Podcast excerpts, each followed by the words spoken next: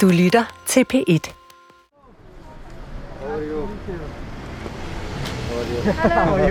Hallo.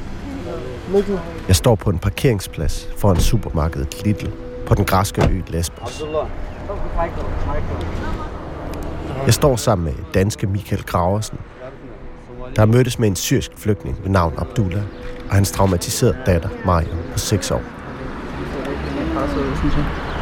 Det er virkelig hjerteskærende. I efteråret ramte en tårgasgranat affyret af det græske politi hende i hovedet.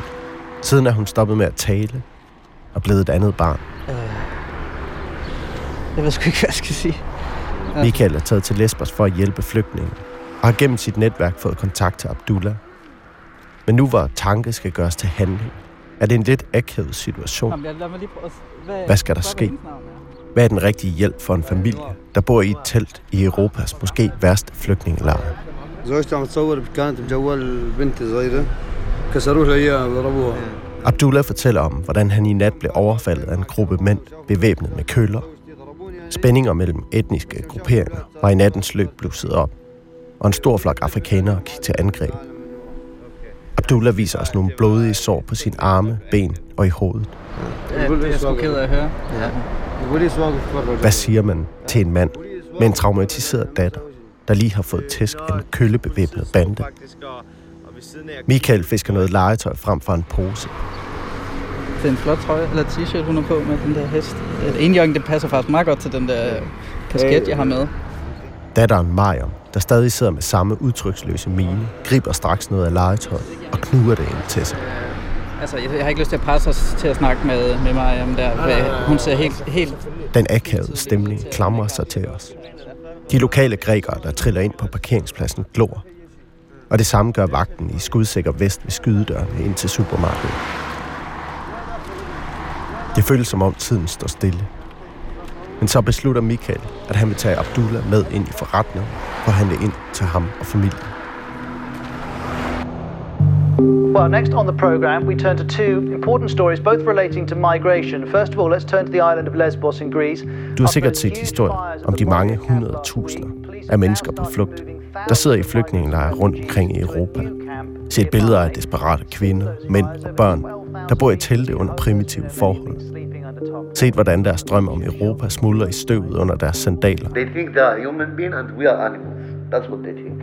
imens de venter på opholdstilladelse eller det endelige afslag. Why all these things? Where is the human rights? That's what I want to know. Du har måske som så mange andre følt en afmagt, følt dig privilegeret over at bo i Danmark, men samtidig også følt, at du burde gøre noget. Men hvad gør man?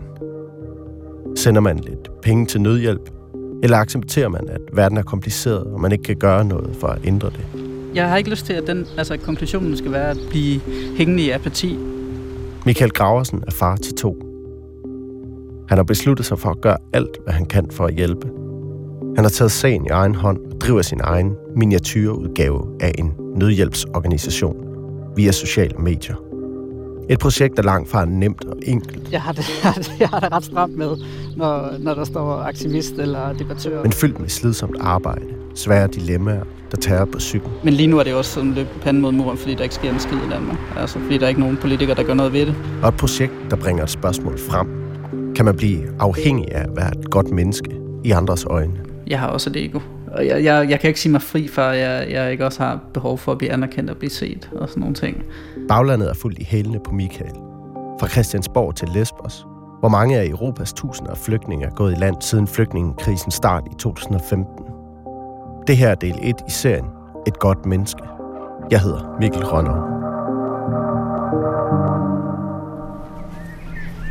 Hvor meget mangler du at pakke? Jamen, jeg synes alt for meget. Det er fordi, at folk er jo søde til at donere, men det bliver også bare sådan smidt i nogle poser og sådan noget, så det hele skal sorteres, ikke også? Fordi det... Nogle dage før afrejse til Lesbos er jeg på besøg hos Michael i Birkerød i Nordsjælland. Nu er det blevet sæson for græslemaskinerne.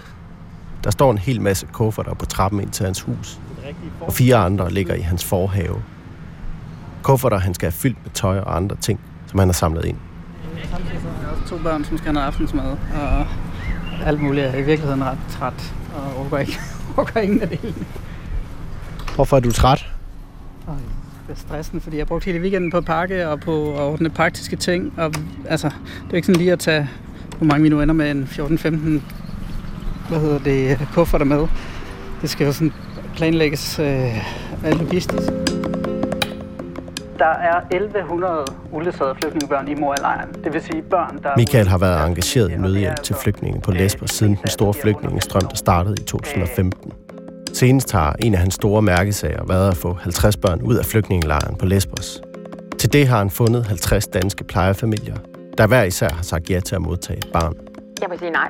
Ja. Altså ubetinget nej, fordi øh, det, det dur simpelthen ikke at blive ved med at sige... vi Projektet er dog endnu ikke lykkes på grund af politisk modstand. til dem, vi har. Hvordan, hvordan voksede du selv op som barn? Det er dem, du, du er mest opsat på at hjælpe lige nu, er det børn, men, men hvor- hvordan voksede du selv op? Jeg voksede op i øh, ja, enebarn, og øh, voksede op i, i Tønder og i, øh, og i, på den jyske hede, og da jeg var omkring fire år, fik jeg leukemi, og var ret syg af det. Øhm, jeg kan huske, der var sådan en en 50-50 risiko for altså, at dø eller overleve. Men jeg var heldig at overlevede, øhm, men det tog lang tid. Jeg var havde det, jeg var syg i fem år, indtil jeg var omkring 9-10 år. Og jeg, jeg er ret sikker på, at det har noget at gøre med det, det jeg laver i dag også. Altså, øhm, man kan sige noget af det gode ved den oplevelse, selvom det var for det meste af tiden frygteligt og et helvede, så var det trods alt, at, at der var ret meget omsorg, og der var ret mange, altså, der var ret meget kærlighed, og, øh, og sygeplejerskerne og lægerne blev jo ikke, altså det blev nogen, jeg holdt af, og det var jo, de, de var ikke bare nogen, der arbejdede der, altså, de var jo virkelig gode til at, at yde omsorg, og, og så jeg tror, jeg har prøvet det der med at være i en situation, hvor jeg har følt, følt mig sådan hjælpeløs, og hvor jeg har fået hjælp, og hvor jeg har fået omsorg. Og det har jeg tænkt i hvert fald over, at det har en betydning for det, jeg laver der i dag. Fordi jeg et eller andet sted også har lyst til at, at hjælpe andre, der står i en situation, hvor de er hjælpeløse. Forud for turen til Lesbos har Michael samlet mange tusind kroner ind ved at lave opslag på Facebook, hvor han beder folk om at donere penge. Og på turen mod Grækenland opdaterer han også flere gange sin profil med billeder af de mange kufferter, som han har pakket med nødhjælp. Imens vi er i luften mellem to stop, tækker over 10.000 kroner ind. Nu er vi kommet til Lesbos. Sidst på eftermiddagen lander vi på Lesbos. 12 kufferter, en harmonika og tre guitar bliver bakset ind i en lejet bil. Foran Michael venter en hektisk uge. De indsamlede ting skal afleveres til en lokal nødhjælpsorganisation, som derefter distribuerer tingene ud. Og så skal Michael mødes med en hel del flygtninge, som han forud for turen har været i kontakt med. Alle sammen nogen, han skal hjælpe. Nu kører du op mod den gamle Moria-lejr. Straks efter ankomsten kører jeg med Michael op til den gamle Moria-lejr. Et ritual, han har. Hvorfor gør du det? det ved jeg ikke. Jeg kan bare ikke lade være. Jeg er bare, jeg, jeg, jeg, er bare nysgerrig. Jeg vil bare gerne... Lejren er nu lukket. Men da den fungerede, var den berygtet for at være helvede på jord med lovløse tilstande. I september sidste år brød en voldsom brand ud i lejren. Der var beregnet til ca. 3.000 mennesker, men som husede 13.000. 13,000 people are homeless on the island of Lesbos. Branden var så voldsom, at lejren blev ubeboelig. Og 13.000 flygtninge var med et derfor hjemløse. De boede i perioden efter branden på veje og marker i området omkring den udbrændte lejr, før de blev genhuset i den, hvor de bor nu. Så ramte det. Altså i Moria står der der et skilt. Det er op til selve byen Moria, hvor lejren lå. Vi kører en ruflet vej, der snor sig i bløde sving op mod det, der engang var Europas største flygtningelejr. Det er sådan mærkeligt, fordi på en eller anden måde, så, hvad hedder det, så er det jo et af de mest frygtelige steder i Europa, hvor der er sket ret mange frygtelige ting, og hvor, hvor der er mange mennesker, der har haft det dårligt. Øhm, og samtidig så, er det, så, har, så har det også sådan øh, en speciel betydning for mig nærmest. Altså sådan en, fordi jeg har været her så meget, og fordi det har kommet til at betyde så meget også for mit liv. Så, så jeg har nærmest ja, sådan, øh, et eller andet form for nostalgisk blik på det. Og det har jeg også nærmest, at det har jeg så samtidig dårlig samvittighed over, fordi at det jo også er, hvad hedder det, øh, altså jeg er jo ikke, jeg har jo ikke, jeg har jo bare kunne rejse derfra igen. kan du bare lige forklare, hvordan kan du have, hvordan har, på hvilken måde har du et nostalgisk forhold til, til det sted? Øh, jamen, øh, jamen, jeg tror nærmest, det var lidt, altså lidt det, det kan nærmest være lidt ligesom, øh, altså der, den kraftafdeling, jeg lå på, da jeg var barn, som, som, som hvad hedder det, øh, som jeg også var et sted, jeg kun var, fordi jeg var syg og havde det dårligt, og var forbundet med rigtig mange dårlige minder. Men alligevel, så er der sådan et eller andet, øh, et eller andet, som, som, som, også, som ikke kun er det, men som også er noget andet, som jeg, jeg er virkelig svært ved at sætte ord på det, men som mere sådan en følelse eller en stemning også. Altså, det har også været, det har også været nogle vilde ting, som, som er sket i mor lejren, og det har været en, ja, det var, sådan, det var en, en helt anden verden at træde ind i. Jeg ved, jeg ved det sgu ikke, Mikkel. Altså, det, jeg synes, det er svært. At, men altså, jeg tror ikke på, at... Jeg tror sgu ikke kun på, at vi mennesker er sådan... Altså, enten eller. Der, altså, jeg, jeg tror godt, at vi kan have en modsatrettede følelser ind i os. Jeg tror godt, at, at jeg kan rumme, hvad skal man sige. Eller jeg tror også... Ja, det håber jeg, at der er andre, der også, også kan. Men har du tænkt på, om du, du sådan også er blevet lidt afhængig af det her? Sådan, altså at kunne tage herned og... Altså afhængig af, af det der sådan... Øh, at det på en eller anden måde også må give et eller andet form for sådan rush, altså kunne, kunne, kunne, kunne gøre de her ting, kunne samle de her penge ind og få hele det her maskineri til at, øh, at fungere. Altså, det, altså man kan også godt, det er jo også sådan lidt et, et galemandsværk at sådan sætte alt det her i værk.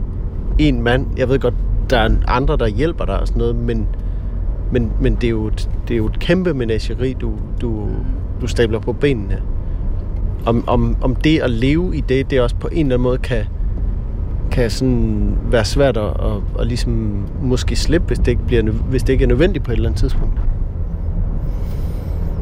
Ja, det er fandme et godt spørgsmål. Øhm, altså jeg vil sige, hvis jeg prøver, skal prøve at komme dig i møde i forhold til det, du siger der, så, så tror jeg, at jeg havde det sådan, hvad hedder det, øh, da jeg hørte, at lejen brændte, der var det meget svært at være i, i Danmark, og der havde jeg lyst til at tage ned med det samme, og det gjorde jeg stort set også, øh, fordi at jeg følte sådan en stærk connection til stedet og til de mennesker, der ligesom er der.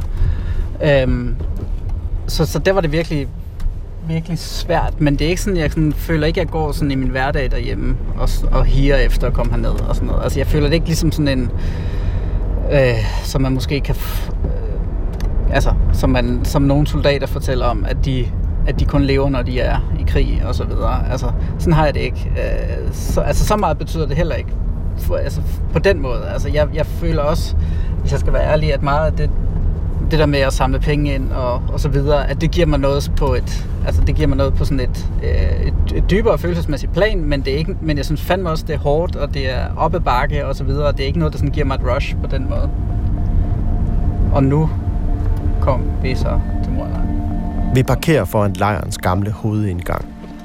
Det er ved at blive mørkt, og det støvregner. Lejrområdet ligner en scenografi fra en postapokalyptisk film, hvor en glødende meteor har ramt jorden og udslettet al form for liv. Efterladt afsvedende træer og deformeret metal, der mest af alt ligner objekter fra et Salvador Dalí-maleri.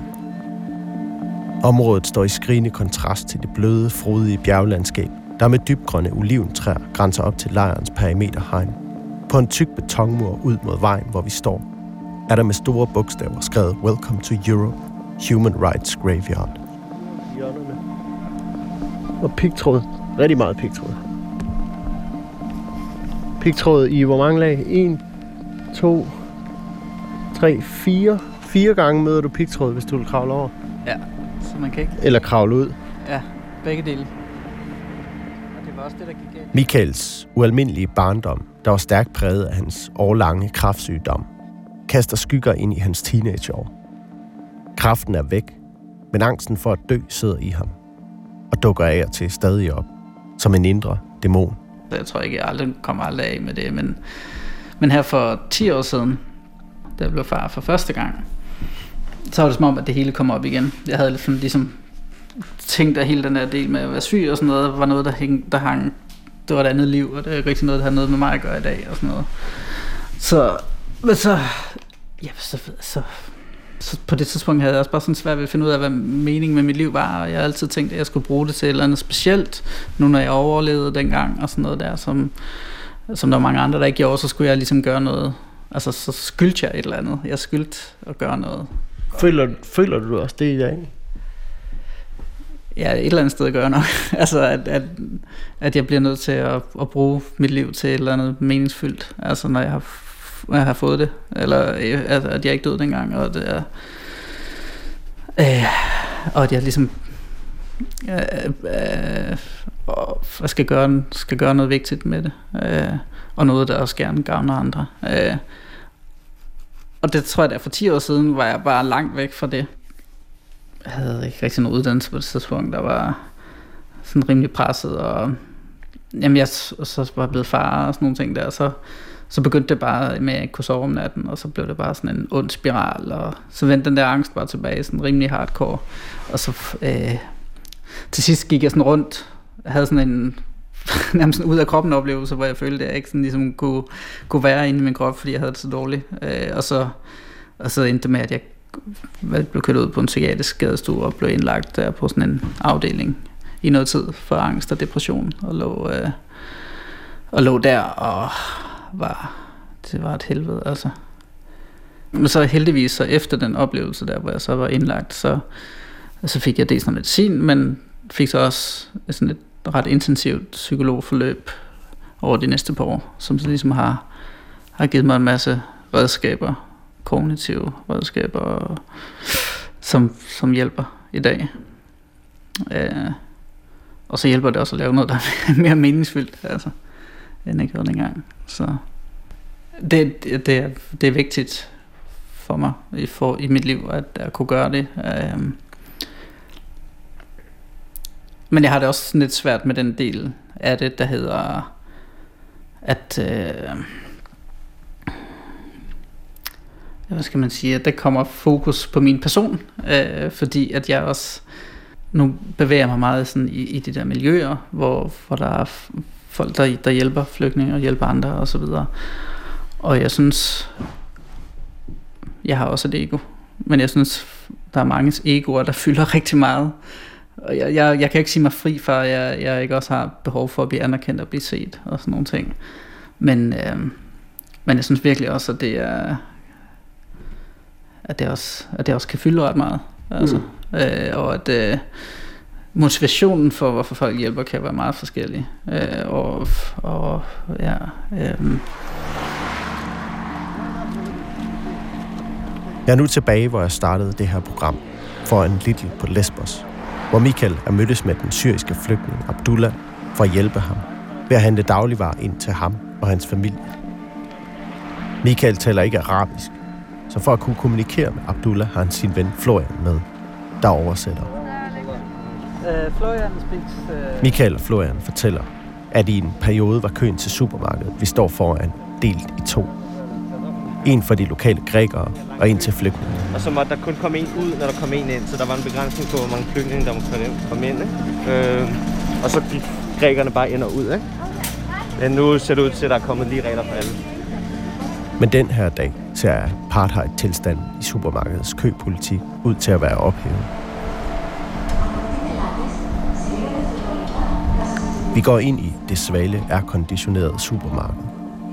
Abdullah støtter sig til en indkøbsvogn. Og hans datter Anwar på 10 styrer klapvognen med sin lille søster Mariam på 6. Historien om, da Mariam fik en tårgasgranat i hovedet affyret af det græske politi under en demonstration, kort efter Moria-lejren udbrændte, rumsterer i hovedet. Det sidste, et traumatiseret barn har brug for, er vel at bo i en flygtningelejr, hvor det bliver vækket om natten af sammenstød mellem etniske grupperinger, og hun ser sin far få tæsk af en flok bevæbnet med køller. En episode, der lyder som fiktion, men som er den reelle virkelighed for Abdullah og familien. Altså, jeg, forstår, jeg forstår, jeg forstår ikke, hvorfor, sådan, altså, hvorfor han ikke kan få med sådan helt tydelige krigsskader der, altså hvorfor han ikke kan få asyl i, i Grækenland. Abdullah og familien flygtede fra et område lidt uden for Damaskus i 2018. Før familien nåede at flygte, mistede han en søn, og han blev selv såret i et af Bashar al-Assads hærs bomberangreb, der har efterladt granatsplinter i hans mave. som endnu ikke er blevet opereret ud. Hvad, hvad står der på hans tatoveringer? På hans hånd står der på arabisk, far til Nodas. Noras var den søn, han mistede før flugten. Det er en underlig situation. At være rundt i et supermarked, der buner med varer, sammen med Abdullah og hans to døtre, og vide, hvad de har været igennem, og at der højst sandsynligt venter dem en svær fremtid i Europa. Så hvad ændrer den velmenende indkøbstur, hvor Michael betaler ved deres situation? Øh, han spørger, om han må tage sko til børnene. Selvfølgelig, selvfølgelig. Nej, ما في مشكلة. Han skal bare, det er sødt af ham at spørge, men han skal bare tage det, han har brug for. يعني خد ما بغيت يعني. Super. Der kommer, nu kommer den der sådan lidt afmagtsfølelse ind der. Det, hvad fanden, altså, så giver vi den nogle ting herinde, og så, så er vi afsted igen, og så, altså, det er jo ikke meget, jeg kan gøre for at hjælpe ham i virkeligheden. Og han har, hvad var det, seks børn, Og han har totalt tydelige altså, mærker i krigen, og så har han fået afslag på asyl. Altså, hvad fanden, hvad skal jeg, altså, hvad, hvad kan man gøre? Michael betaler ved kassen, og fire indkøbsposer med varer bliver fyldt. Vi passerer igen vagten i skudsikker vest, der holder lov og orden i supermarkedet på vej ud, Lejren. og følger Abdullah de få hundrede meter ned til lejrens hovedindgang. Vi får ikke lov at gå med ind, og siger farvel til ham og børnene nogle meter uden for indgangen. Michael tager billeder med og af dem, han hjælper. Billeder, han bruger til at fortælle om, hvem han har hjulpet, og til at samle flere penge ind på sin Facebook-profil. Opslagene høster mange likes og kommentarer med rosende ord til Michaels arbejde. Da vi er tilbage i byen efter indkøbsturen med Abdullah og børnene, vil han igen opdatere sin profil med et billede af Abdullahs traumatiserede datter, Mariam. Men tøver i sidste Det er op øjeblik. igen, at, at det her med det her billede, øh, som du tog af, af den her meget traumatiserede pige, Ja. som du, altså så, som, øh, hvad skal man sige, per, per instinkt, eller hvad man skal sige, havde tænkt, at du ville lægge op og fortælle, nu har jeg mødt hende her, jeg, har- Mm. jeg har øh, doneret det og det og det. Men, men det vil du ikke gøre, fordi hvad? Det vil være, altså fordi det vil være helt vildt ynkeligt. Øh, fordi at så kan man sige, okay, hvad fanden, altså, hvad fanden får jeg ud af det? Jeg får det ud af det, at folk de sidder derhjemme og ser det opslag, så tænker de, øh, og Michael han er et godt menneske, han har hjulpet det her, den her stærkt traumatiserede pige, og så kommer der til at være en masse kommentarer, hvor der skal, ej, hvor er du fantastisk menneske, Michael, og godt gået, og alt sådan nogle ting der, men det hjælper overhovedet ikke hende. Altså, Men du det opslag, Men er det nogle gange, at, at du at det øh, nærmest sådan, altså, øh, retrospekt er gået op for dig, at, at nogle gange kommer det til at handle mere om dig, end det egentlig handler om, om de folk, du, du hjælper, altså øh, ufrivilligt eller Ja. underbevidst. Ja, og, og så er det jo samtidig også sådan en måde, altså sådan en dynamik, der også er på, eller hvad skal man sige, hvad fanden er- kalder man det, altså sådan en form for anatomi, der er i, i sociale medier. Altså det, som folk reagerer mest på, det er jo de der sådan personlige historier, og det, øh, altså hvis, man laver, hvis jeg laver et opslag med hende, hvor jeg har hjulpet hende, øh, kontra hvis jeg laver et opslag kun med hende, så er det helt klart der, det hvor jeg har hjulpet hende, der vil få flest øh, likes og alle sådan nogle ting der. Og det er jo komplekst, fordi på, den, på en måde, så vil det jo så også kunne give nogle flere donationer, og så vil man selvfølgelig måske kunne hjælpe på den måde, men igen, det er jo ikke det, som hjælper allermest, det er jo at ændre hendes livssituation. Mm. Så øh, igen tilbage til, altså, til det der med de der 50 familier, altså hvis, hvis det var Danmark tog dem, så ville det jo være sådan en som hende, der ville blive hjulpet, fordi hun er en af de mest udsatte. Øh, og så vil, så, vil man kunne, så vil det kunne batte noget. Øh, men men det, det føles meget meget forkert øh, at lægge det derop, altså øh, for ligesom at sige, hey, nu i dag har jeg hjulpet det og det. Så øh, Ja, hvis du formulerer det på den måde, så, så kan jeg godt forstå din pointe, men du kunne jo også godt lægge det op Ja, og så ja. sige, men, det, altså, hvad fanden foregår Men der? Mikkel, Hvorfor kan vi ikke få fikset de her 50 familier? men Mikkel, prøv at, jeg har lige vist dig et opslag, hvor jeg gjorde det i går. Så, øh, så det gør jeg jo også. Men hvad hedder det? Øh, øh, men det her, det er jo det er dilemmaet i forhold til, om jeg skulle gøre det med, øh, med mig selv, og det kommer jeg ikke til at gøre. Men, øh, men jeg gør jo også det andet. Men, øh, men lige nu er det også sådan løb panden mod muren, fordi der ikke sker en skid i Danmark. Altså, fordi der er ikke nogen politikere, der gør noget ved det. Nu er der nogle, nogle syriens børn som noget helt andet, øh, nogle danske statsborgere, der bliver hentet hjem. Så det kan selvfølgelig håbe lidt, at det betyder, at der også er nogle at de kan åbne det op for det her, men må ikke også, at de bruger det som en, som sådan en øh, hold kæft, hold kæft bolsje til, til alle de andre partier og sige, nu har vi altså gjort noget på udlændingområdet. Men øh, så, så, så jeg er også lidt desillusioneret- desillusioneret omkring det, men det var helt klart det, der ville bat. Det ville være, hvis Danmark også ligesom Norge og alle de andre ville tage imod 50 børn. Ja, men ja, det er frustrerende. Det er det. Kan, får du ikke nogen gange lyst til bare sådan at sige, fuck det, altså det, det, det nytter ikke en skid det her, altså brug din tid på noget andet. Altså, altså bare nærmest øh, øh, altså tage skyklapper på og prøve at glemme alt om, at, at det her det foregår.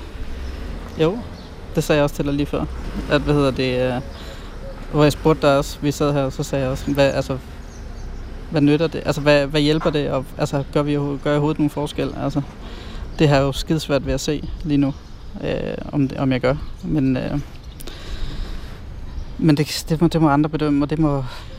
Altså man kan jo sige, øh, stille det meget klart op og sige, du, du gør en større forskel, end jeg gør.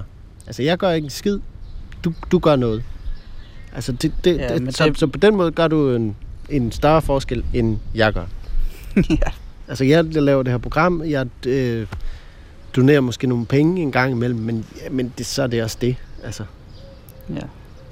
Så den er jo, altså, så det kan man jo sige, du, du gør jo en forskel. Altså du, Men det føles bare som en meget lille forskel, når men, det er... men ud af, af mange hundrede tusind er det selvfølgelig en dråbe i havet, men det, det er mere, end jeg har gjort. Mm. Og det er mere, end de fleste danskere har gjort.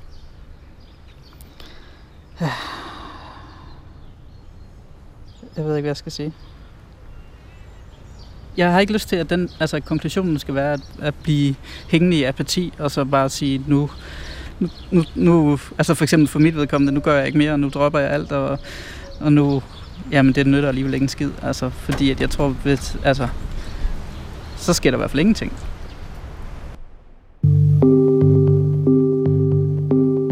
Du har lyttet til første del af Baglandets serie Et godt menneske. I næste afsnit bevæger jeg, trods advarsler om det græske politis metoder, var tæt på lejren sammen med Michael. Der er flere eksempler på, at, at, at journalister og fotografer osv. er blevet diskrimineret og tilbageholdt osv. Uberettiget. Rune Spar Gertsen er redaktør. Jeg hedder Mikkel Rønnow.